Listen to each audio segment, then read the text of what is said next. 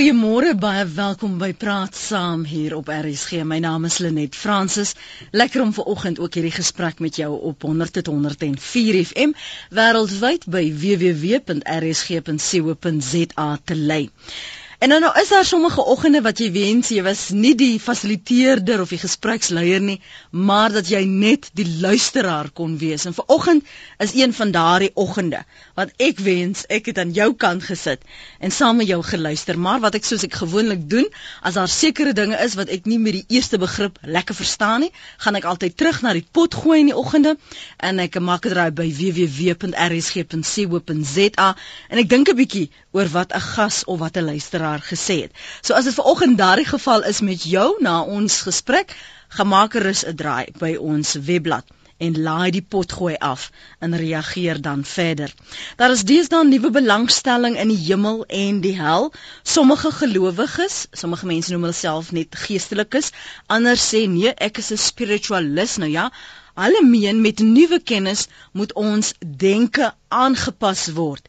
En ek wil vir jou vra, Hoe is jy geleer hoe om oor die hemel en die hel en die aarde te dink? En het dit aangepas of verander? 0891104553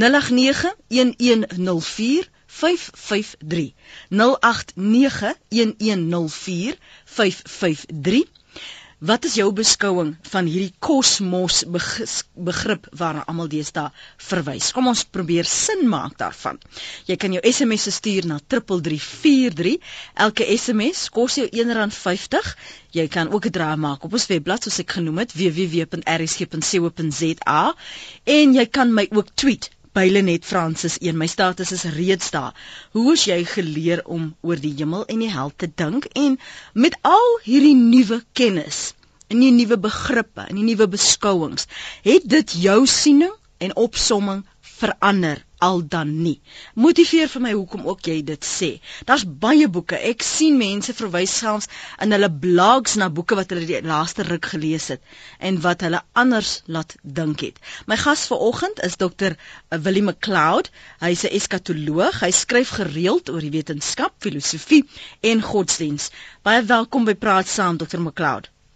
Lenet, dankie, dit is lekker om saam te praat. Ek wil vir die luisteraars wat nie bewus is van hierdie gesprekke nie, ek wil vir hulle agtergrond skets. Ek wil vir hulle sê wat is hierdie gesprekke wat op die oomblik aan die gang is, um en hoe kom dit by dit wat hulle ken en dit wat hulle weet en dit waaroor hulle wonder. Kom ons praat oor hierdie drie verdieping kosmos beskouing soos julle wetenskaplikes en geestelikes daarna verwys. Ja, net dit is heeltemal reg. Ehm um, as ons vandag in ons wetenskaplike tyd na die aarde kyk en na die kosmos kyk, dan dink ons natuurlik baie anders as mense in die pre-moderne tyd, in die pre-wetenskaplike periode. So die Bybel is geskrywe in 'n tyd wat baie lank teruggaan, lank voor die wetenskaplike tyd. So ons kan sê dat die wêreldse beskouing, die kosmos beskouing wat ons in die wêreld in die Bybel vind, waarin ons dan nou die verwysing of die konsep het van die hemel, die aarde en die doodryk. Daar word nou vandag baie algemeen daarna verwys as die drie verdieping kosmos.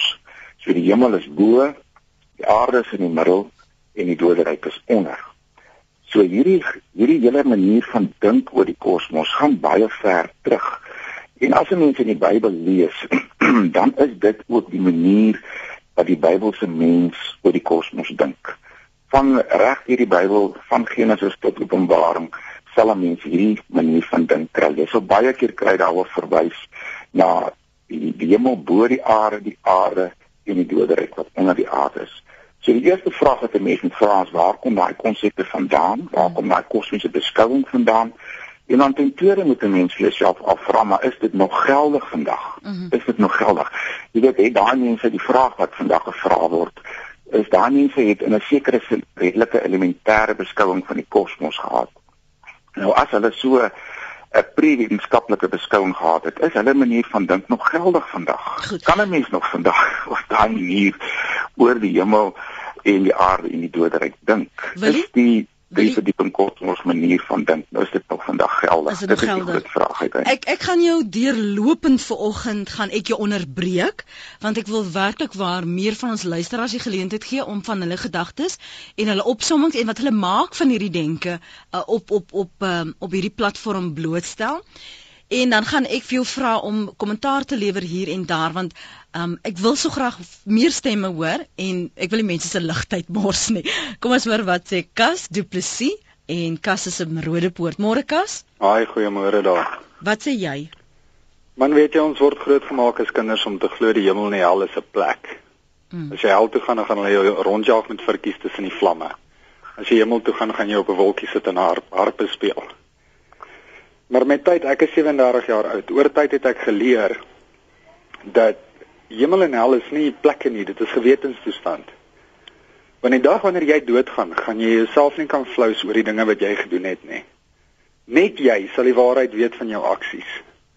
En daai gewetenstoestand gaan maak dat jy vir ewig jouself kwaliek neem of tevrede is met wat jy gedoen het terwyl jy hier was. Kas, hoe het jy by die gevolgtrekking gekom? Man, weet jy, as jy as jy in die aand in die bed gaan klim en jy is eerlik met jouself. Jy flou jouself nie met allerlei storieetjies en triks nie. Dan kom die waarheid uit. Jy weet hoekom jy sekere dinge doen. Jy weet die dinge wat jy nie gedoen het nie. Die effek wat dit op mense het ek weet nie of dit enigsins mm. sin maak nie. Ek ek ek verstaan wat jy sê.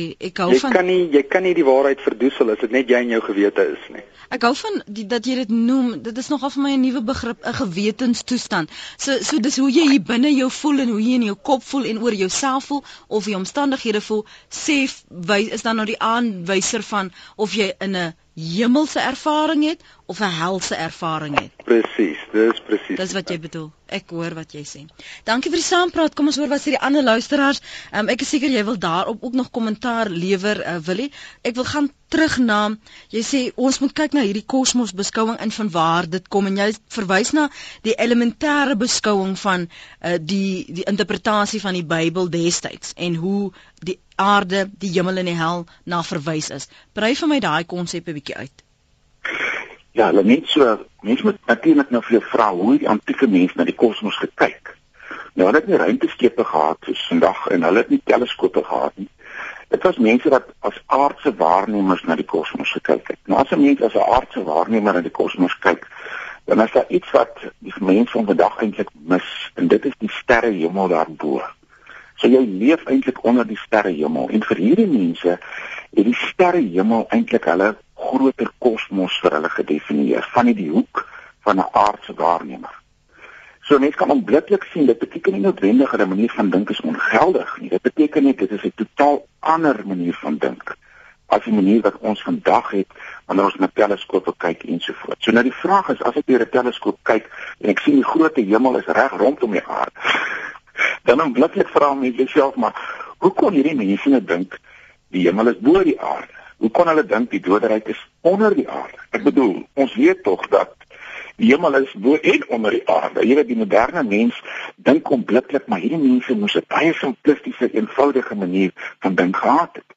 Maar die vraag is, het hulle ooit so 'n eenvoudige manier van dink gehad? So as 'n mens nou kyk hoe hulle gedink het en as 'n mens gaan veral na die vroeë antieke Midde-Ooste waar die Bybel kom en na die vroegste mense daar, wat nou maar soos die Sumeriërs, wat lekker is van die Sumeriërs, hulle hulle was die eerste mense wat geskryf het. So ons kan in hulle geskrifte gaan en kyk hoe hulle hierdie dinge verstaan het.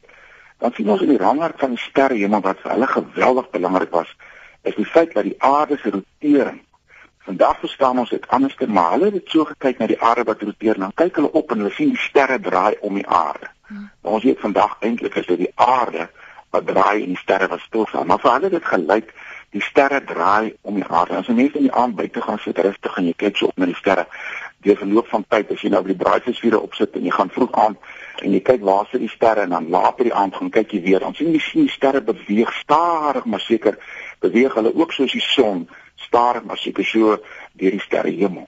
Maar daar's 'n sekere punt in die noorde wat stil staan. Dit lyk of die sterre rondom daai punt draai en daar's ook 'n punt in die suide wat stil staan. En dit word genoem die suidelike en die noordelike pole van die hemel. Dis eintlik maar net 'n projeksie van die aardas Hmm. So dit lyk asof die aarde wat ons sy as draai as ons nou vandag dit so natuurlik vir ons dit so sien, hmm. 'n denkbeeldige as. Maar die projeksie van daai as in die kosmiese wêreld en in die wêreld van die sterre laat dit lyk of die sterre rondom daai as draai. So skielik het hulle hier 'n as gesien wat die hele kosmos bymekaar hou en hulle dit dan uitgebeeld as 'n boom of 'n pilaar of wat ook al wat die hmm. kosmos bymekaar hou. Maar die oomblik kan jy dadelik sien wanneer 'n mens so 'n raamwerk het, dan maak bo sin en onder maak sin. En dis hoekom hulle van bo en onder gepraat het. As ons net eers by daardie punt kom, so bo was hulle bo die aarde, dis eintlik die noordelike pool van die hemel en onder was wat dan nou suid van die aarde die suidelike pool van die hmm. hemel. So nou kan 'n mens onmiddellik sien dis nie maar net mense wat in hulle dommigheid gedink het as bo en is onder nie. Hulle het 'n sekere manier van dink gehad oor waar is bo dan nou en waar is onder dan nou en hulle het dit gesien in die raamwerk van die sterrehemel. So skielik as 'n mens op hierdie manier na daai manier van dink toe gaan, dan sien jy maar wag, hulle het nie maar net elementêr gedink dit was regtig in 'n sekere sin ook 'n gesofistikeerde manier van dink oor dit wat bo en dit wat onder die aarde is. En van redeneer, dis duidelik van van dit uitredeneer van wat jy sien. En wat ja. jy sien gewoonlik verby is wat jy glo. Anoniem is in die noordelike provinsie, maar Maria hou vir ons al 'n rukkie aan. Môre Maria.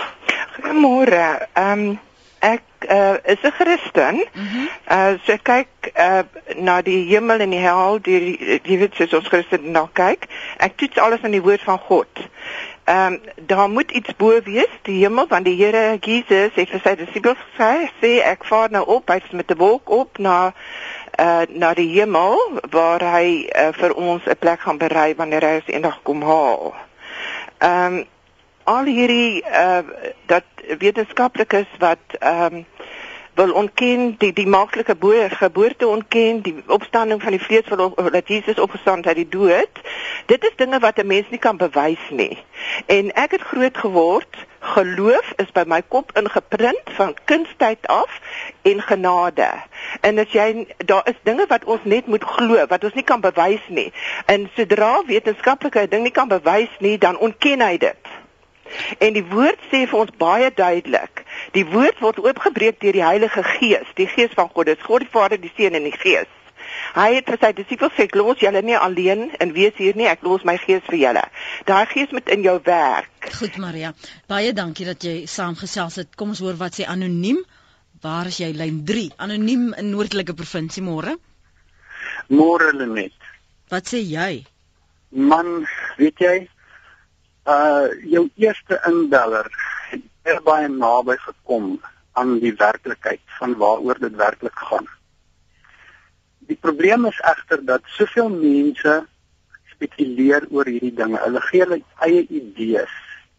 En solank mense hulle eie idees weergee, sal twee mense nooit oor alles kan saamstem. Hmm.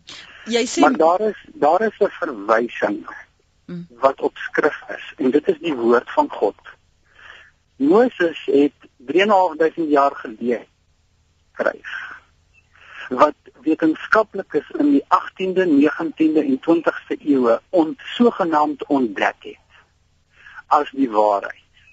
Nou as Moses 3.500 jaar gelede hierdie inligting reeds gehad het, dan het die wetenskaplikes van die 18de tot die 20ste eeue eintlik niks nuus weergegee nie.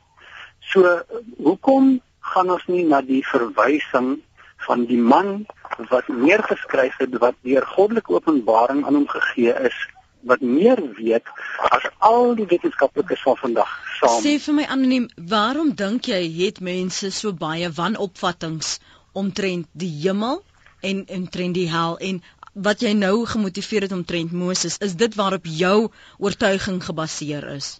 Goed, kom ek self vir so. Uh ek het nou genoem dat mense hulle eie idees weergee. Ek kan nie my eie idees weergee nie. Ek kan net vir jou die feite weergee soos wat die woord van God sê.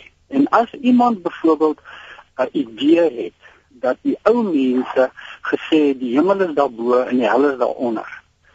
Uh weet jy dit is 'n dis 'n manier van om te praat want ek bedoel bo is tog bo en onder is tog onder. As ek op die grond staan dan staan ek op die grond en dit wat onder my is is die grond en dit wat bo is is tog die hemel.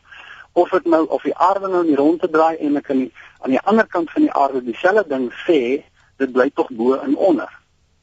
Nou, as jy as jy byvoorbeeld na uh die inligting gaan soos wat in die woord van God weergegee is, dan sê Job en Job word deesdae beskou as die geskrif wat die oudste is wat vervat is in enige literatuur.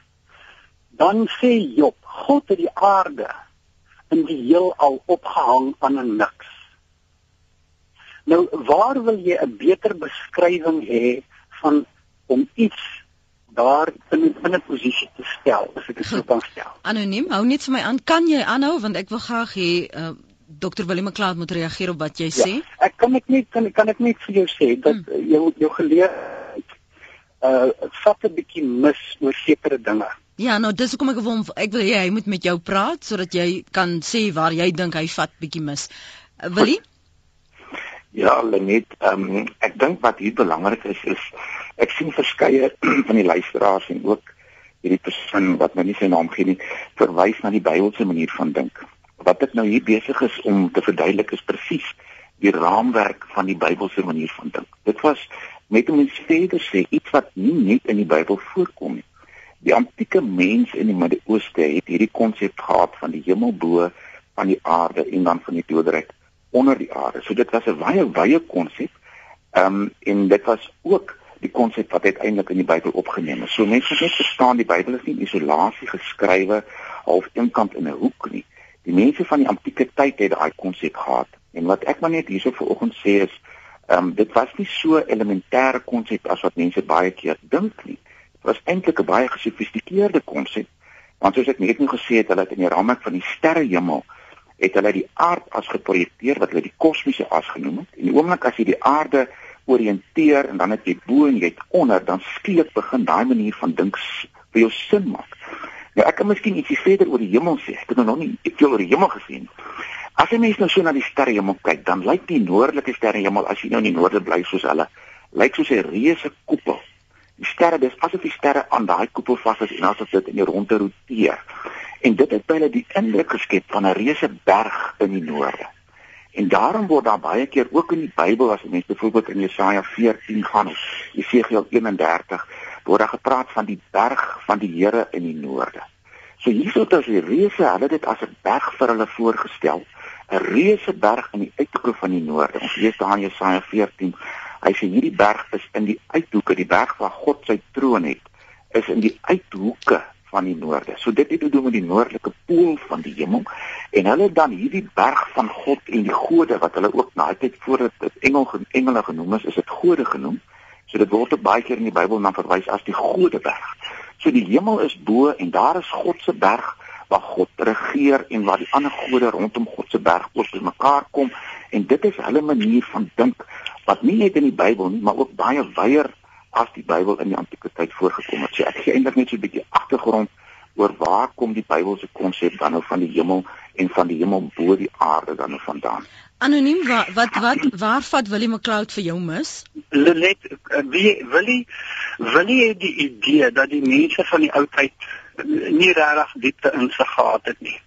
Hulle het insig en wat Ja, anoniem. Anoniem. Ai, liewe aarde. Anoniem lyk my jy's ook nou weg.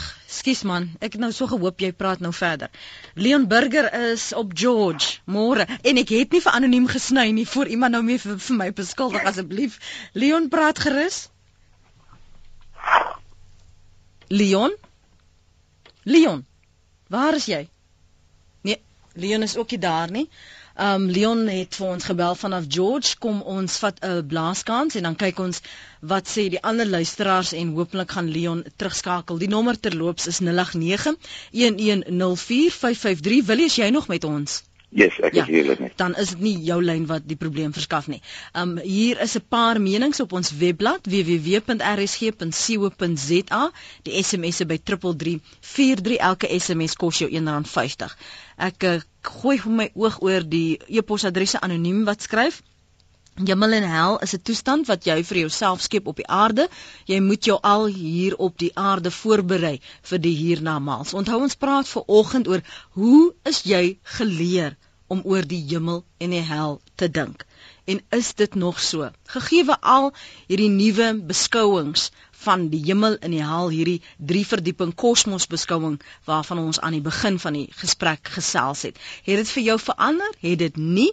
Indien wel, hoe? Wat het gebeur? Wat het jy gelees? Waar het hierdie redenasie vandaan gekom? Uh, Maria het gesê van Durban, sy dink wetenskaplikes leef in ontkenning en vir haar is die Bybel die die gids Dis waarin sy glo, sy is 'n geval van genade en geloof en sy verkies om te glo al kan sy dit nie sien nie. Kas het gesê dit is vir hom 'n gewetenstoestand. Anoniem het gesê, jy weet 'n mens moet nie die die wanopvattinge van mense onderskat nie, maar 'n mens moet ook nie daardie elementêre die vroeë antieke mense se opsommings dit onderskat nie. Wat is jou mening? Hoe het jy geleer omtrent die hemel, die hel en die aarde? Jy praat ver oggend met Dr. Willie McCloud. Hy is hier om vir ons te sê wat word daar gesê. Hoe word dit uiteengesit en waar is die Mes seker maar sê nê, nee, omstredenheid. Ek dink nie noodwendig alles is so omstrede nie. Dit hang seker af hoe jy daarna kyk, jou persepsie van wat omstrede is al dan nie. Maar wat is die gesprek, die groter gesprek wat aan die gang is? En dit sê glad nie dat hy dit glo of dat jy dit moet glo nie. Naomi is in die Noordwes. Môre Naomi? Hallo Lenet. Wat sê jy?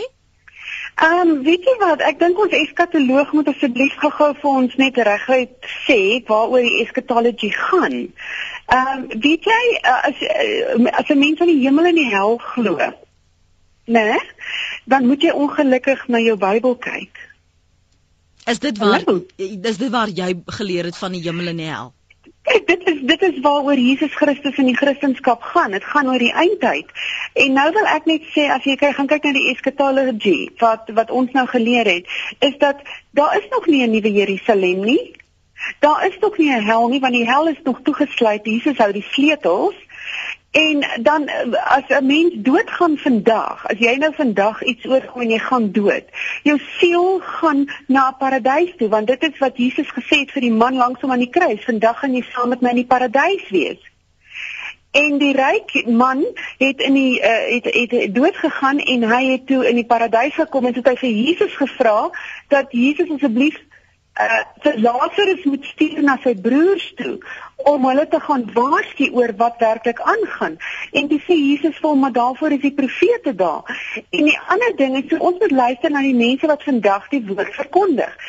Uh die paradys is 'n plek wat ek glo dat as jy nie die Here gedien het nie en jy het nie 'n pad en 'n verhouding met hom gehad nie, dan sien jy die volheid en jy begin te twyfel oor al hierdie goed wat jy op aarde gedoen het en wie jy was want die groot ding is dan sien jy vir die dan sien jy God die eerste keer onthou net ons op aarde kan nie God sien nie want die Bybel sê uh, jy kan nie die Here sien okay. en bly leef kan kan ek kan ek dit baie vereenvoudig en dan vir ja. so met jou gesels sodat dit vir my ook net bietjie meer sin maak sê jy as ek nie aan hierdie stel reëls voldoen nie, dan gaan ek na 'n hemel toe of ek gaan na 'n hel toe. Is dit nee. vir is dit vir jou 'n plek? Is dit 'n fisiese plek vir jou of, of wat is 'n hemel en wat is 'n hel vir jou? Weet jy, die hemel en die hel is nie die lewe wat ons op aarde het nie. Die hel is 'n fisiese gaan 'n fisiese plek. Ek gaan 'n fisiese plek wees. Is dit 'n fisiese plek? Dis 'n fisiese plek. Ons gaan in die nuwe Jerusalem bly waar die strate alles van goud is. En die hel is dit ook 'n fisiese plek. En die hel gaan 'n plek wees waar gewene geknars van tande gaan wees. Mense gaan definitief definitief baie swaar kry. Maar op hierdie stadium nog, God het Jesus het nog nie gekom nie. Dis nie sy tweede sy tweede koms het nog nie plaasgevind nie. En dan die groot ding is net ons leef nie in 'n hel nie. Dis wat ons vir onsself maak op aarde om te weet dat ons eendag 'n plek gaan hê. Ja. Naomi, so jy sê dit is nou eskatoloog om gaan, ja, te brei ja, daaroor, ek, ek want dit is waaroor die ja, eskatologie Ek gaan hom vra, ek gaan hom vra. Ek ek wil net seker gemaak het of jy glo dit is 'n fisiese plek.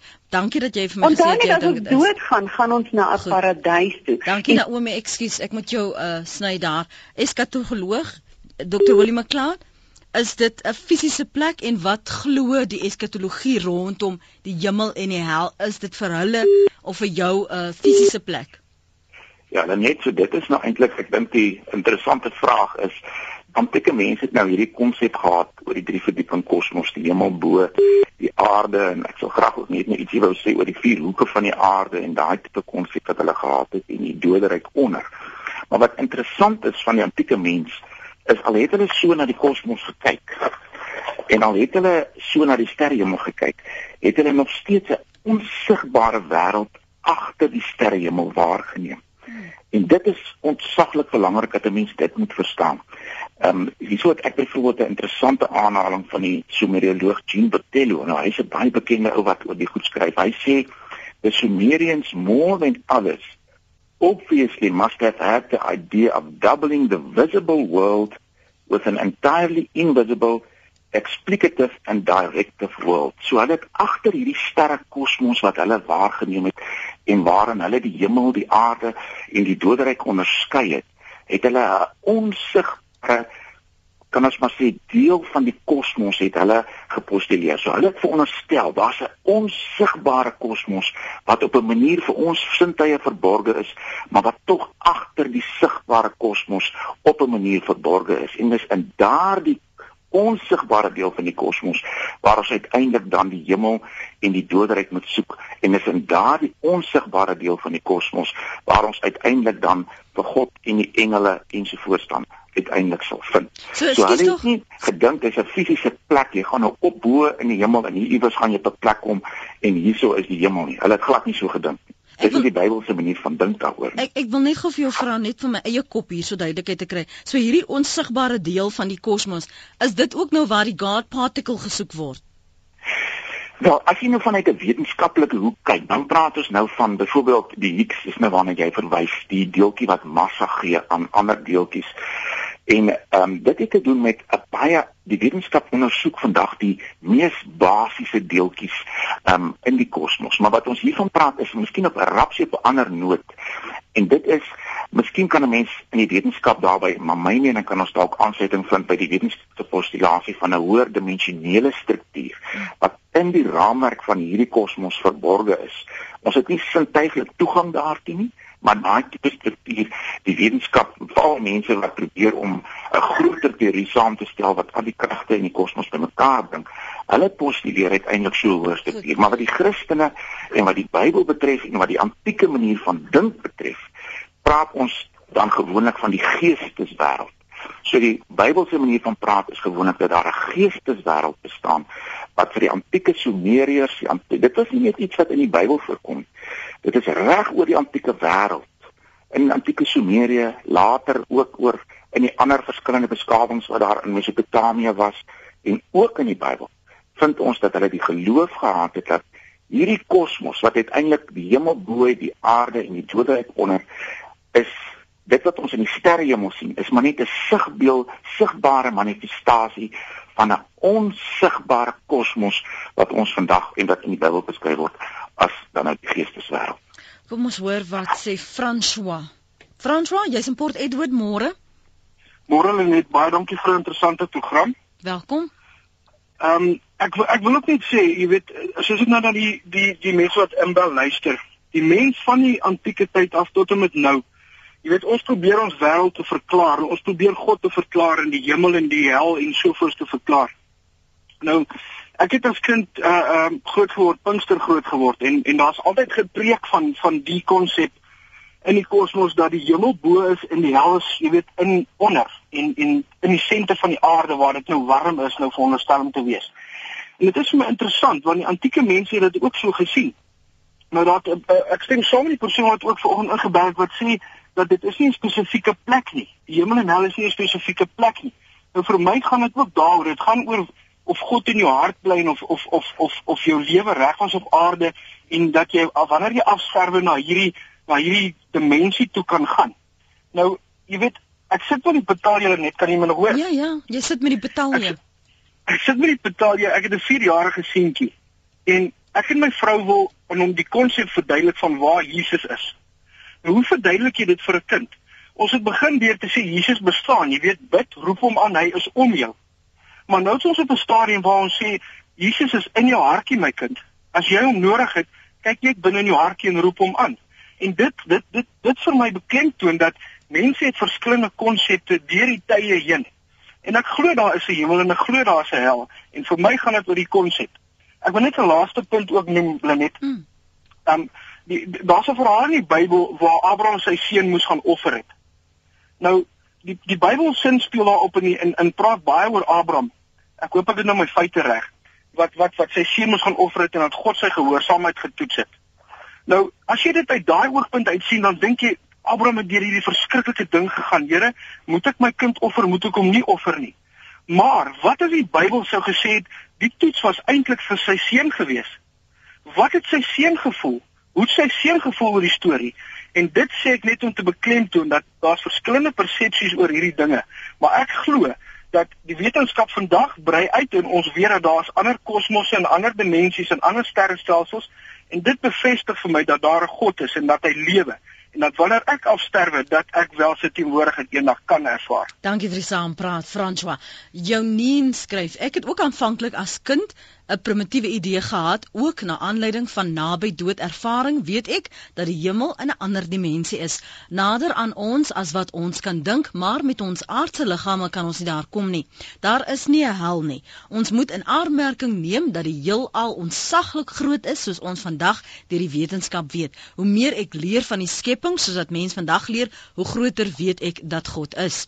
'n SMS wat lees nie die hemel en die hel bestaan beslis. Die Bybel praat duidelik natuurlik van die poel van vuur en ook van die hemel want die Here het opgevaar om vir ons 'n plek te berei. Ons moet net ons moenie dat vandag se praatjies die werklikheid afwater nie. Die Bybel is nie verkeerd nie.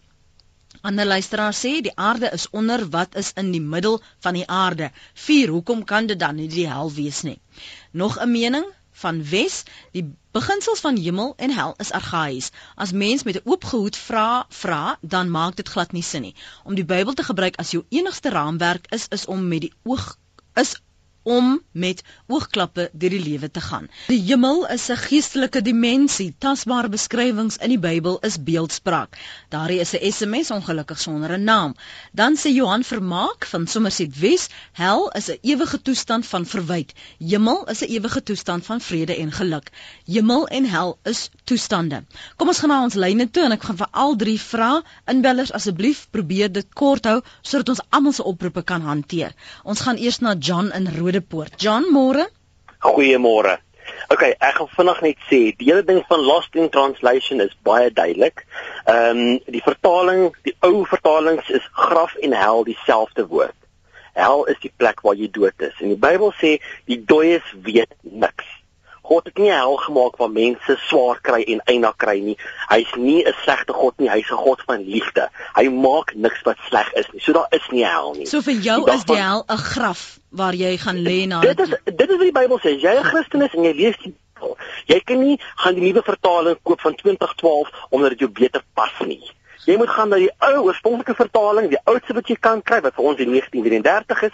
Gaan lees wat staan daarso en vat dit. Moenie elke keer as daar so iets snaaks in die Bybel is wat jy nie van hou nie, gaan 'n nuwe vertaling koop wat hulle verander het dat dit jou pas nie. Goed Jan, dankie. Anoniem op Uitenhaag, jou mening? Ja nee, ek dink dit is dieselfde want mm -hmm. as ons kyk self na Salomo wanneer hy die tempel inwy, dan verwys hy nie na bo nie, maar hy verwys na as ons vandag na u bid daar in tempel, maar dit is wat die die verskillende beskrywings rondom die Bybel En ek sê dit nou vandag, daar is nie iets soos 'n hel of 'n hemel nie. Ons lees ook in die Bybel dat almal sal wag wanneer ons mense begrawe, ek dink ons gaan baie na begrafnisse toe waar dit genoem word deur predikante of pastore, wag hier tot die heerlike opstanding. En daar's mense reg oor die land wat dit vermoere kan bevestig. Hoeveel van ons voorvaders het aan ons aantrome verskyn? Ek self het al soveel van ons voorvaders in gesigte gesien. Het hulle nou escape van hierdie wagperiode af of wat? Daar is een ding wat ek vermoere wil aan u luisteraars vertel. Daar's twee persone, nie 'n gees en 'n vlees nie. Is jou engel en jouself.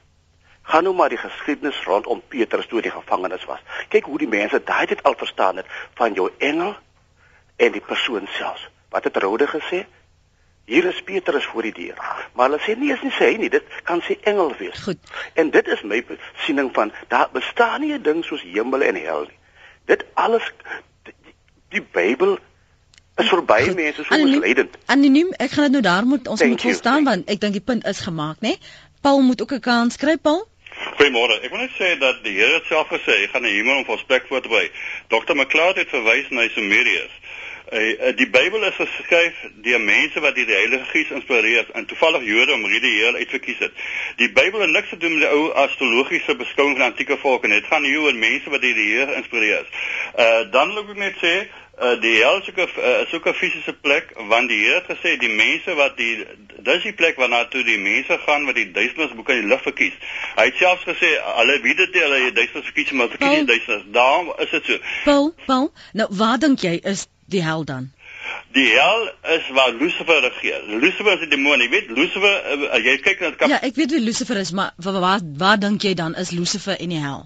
die afhangende waar die Here die hel, ek weet nie wat die Here die hel gaan hê nie, maar dis die plek waar die Lucifer oor die oor die mense wat nie in God geglo het, gaan regeer. Die die Here sê dit, ek weet Lucifer is 'n uh, kaptein Jonker wat hoof van die uh okkultiese uh, afdeling van die polisie was. Hy sê hoe hy mense werk wat die duiwel besit is. Ja, Lucifer bestaan. Ja. Sê gou vir my, uh, jy kyk na mense wat uh wat met die okkulte betrokke was. Hulle kan vir jou sê Lucifer bestaan. Maar anderswoorde hy is hy is 'n werklike entiteit. Ja, sê vir my, uh, hoe verskil jy? Kaptein Jonker probeer die hande kry ja, Paul, om te praat. Paul, Paul, net gou vas toe asseblief. Ek weet ek weet wie vir kaptein Jonker is en ek weet ook uh, van die demone en ek weet ja, ook van goed. die werk wat hy doen. Um, een van die luisteraars het gesê dat hy dink dis John wat sê hy dink die hel is 'n graf. Dis eintlik vir hom. Nee nee nee nee. nee. Daai ding bestaan nie. Da, da, jy kry van hierdie sewe dae uh, van die uh, sektes wat dit sê. Dit sê vir jou dit bestaan nie. Hulle haal Salomo aan. Nee, hy was dit is 'n uh, verbandvertaling daardie. Uh ding dit kom van Psalm af wat gesê het jy dood is jy dood. Okay, so dit vir jou is fisiese plekke. Baie dankie Paul vir die saamgesels. Waar is die hel dan uh volgens hierdie nuwe gesprekke? Um ons sê nog nie wie's reg en wie's verkeerd nie. Dr. McLeod, waar is die hel en die hemel? Ons het het verwys na die hemel, maar waar sou die hel dan wees? Want die aarde ken ons nou. Lenet, ek wil net weer 'n keer sê, um daar is vandag 'n uh, geleerde opinie dat die drie verdieping kosmos, dit beteken die hemel, die aarde en die doderyk onder, is verouderd en is simplisties en ons moet dit weggooi. Wat ek net argumenteer is hierdie sieninge wat in die Bybel voorkom en wat in die antieke wêreld voorgekom het, gaan baie dieper as wat 'n mens wat normaalweg sou dink en is baie meer gesofistikeerd as wat 'n mens sê dink. Ek wil dalk ook net ietsie voor die oor die aarde sê voor ons nou by die hel kom. Mm. Wat interessant is van die aarde, ons lees die aarde het vier hoeke. En ons lees die aarde het vier pilare. Mens lees dit veral in Job. Nou 'n mens kan nou vir jouself vra, wat beteken dit? Het hy die aarde as 'n plat blad soos 'n tafel gesien en baie eenvoudig en simplisties? Want dit het dieselfde implikasies uiteindelik vir die hemel en vir die hel. As jy mens so oor die aarde dink. Nou wat interessant is, ons het net nou gesien dat die antieke mense het gedink in terme van die sterre hemel daar buite. En in die raamwerk van die sterre hemel het die antieke mense het in die hemel drie dele onderskei. Hulle het 'n deel in die middel onderskei rondom min of meer die ewenaar, dan 'n deel aan die noorde en 'n deel aan die suide. Soos ons net nou gepraat het oor noord en suid rondom die kosmiese as of die aard as 'n projeksie. Nou wat interessant is, die son wat opkom in die oggend. Daar's 4 dae wat baie belangrik is. En dit is met die sonsewening en met die sonsomkering. Dit beteken die middel van lente van lente en somer, die middel die die middel van ehm um, herfs en lente. So in die middel daai 4 dae, die langste en die kortste dag en wanneer dag en nag ewe lank is, is presies gelyk versprei op hierdie band van die sterrehemel rondom die aarde. En dan het hulle gegaan en hulle daai 4 punte in effek in die uithoeke van die kosmos het hulle in verband gebring met die vier hoeke van die aarde. So mense kan dadelik sien dit is nie so 'n simplistiese konsep wat hulle gehad het nie. So die aarde het vier hoeke in die raamwerk van die vier uithoeke van die kosmos. Bo kan die aarde is daar die Gode berg waar God regeer en onder die aarde dit is dan waar ons uiteindelik die doderyk kry. Maar wat hulle dan verder gedoen het agter hierdie sterre kosmos het hulle die onsigbare kosmos gesien waar God en die gode en dan vandag se terme sal mense nou praat van die luisteraars het nou na engele en baie tot na demone en na Lucifer en al sulke dinge verwys. En nee, hulle sou dit daai gode realm sou hulle dan plaas in die onsigbare wêreld wat nie vir ons uh, sintuiglik toeganklik is nie. As as luisteraars gee net vir my twee of drie sleutelwoorde as my luisteraars meer wil weet of meer wil lees. Ek soek nie verwysings na boeke nie. Ek dink elke mens moet maar dit vir homself ehm um, opsoek en en besluit wat hy of sy wil lees. Maar as jy byvoorbeeld op 'n soekie en jy sou ingaan Um, ek sou dink jy tik in hemel, jy tik in hel, jy tik in uh, kosmos beskouing. Watter ander woorde kan jy aandink wat mense meer kan lees en meer kan opweeg?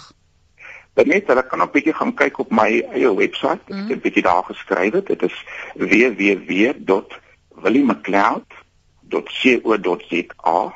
Hulle moet McLeod reg spel. Dit is M C Loud L O U D. Mm -hmm. So williemcloud.co.za. So daar is artikels wat ek daar geskryf het en jy weet oor die antieke raamwerk waaruit die Bybel kom en natuurlik het ek nou onlangs die boek uitgebring oor Abraham en sy God wat ek bietjie kyk na daai antieke inset in die raamwerk van die Bybel en die wortels waar uit die Bybel kom. So hulle kan bietjie daar gaan loer as hulle wil. En en mense kan ook dalk hel intik en en meer aan 'n antieke mens van die van die uitsprake wat van ons luisteraars sê. Hulle kan die die die antieke uh ene weet daar's soveel sleutelwoorde eintlik wat 'n mens van gebruik, maar ek sou sê wat ook hier ingetik kan word is byvoorbeeld soos antieke kosmos of kosmiese beskouing, maar natuurlik nou alles in Engels want nie die meeste inligting is natuurlik ongelukkig maar in Engels beskikbaar. Ja. Maar baie dankie vir jou tyd. Dis 'n gesprek wat ons een of ander tyd verder moet neem en dan kan ons net greep uit hierdie gesprek speel sodat uh, almal weer op dieselfde bladsy kan kom. Dit was nou baie interessant. Dankie aan die luisteraars wat saamgesels het, SMS'e gestuur het. En soos ek gesê het, dit soms dit is al gesprekke wat 'n mens weer na die potmorg moet gaan luister. Dis wat ek gaan doen en en weer my gedagtes orde. En as jy dit wil doen, gaan maak 'n draai by www.rsg.co.za. Dankie vir die saamgesels Dr. Willem McLeod. Lekker dag vir jou.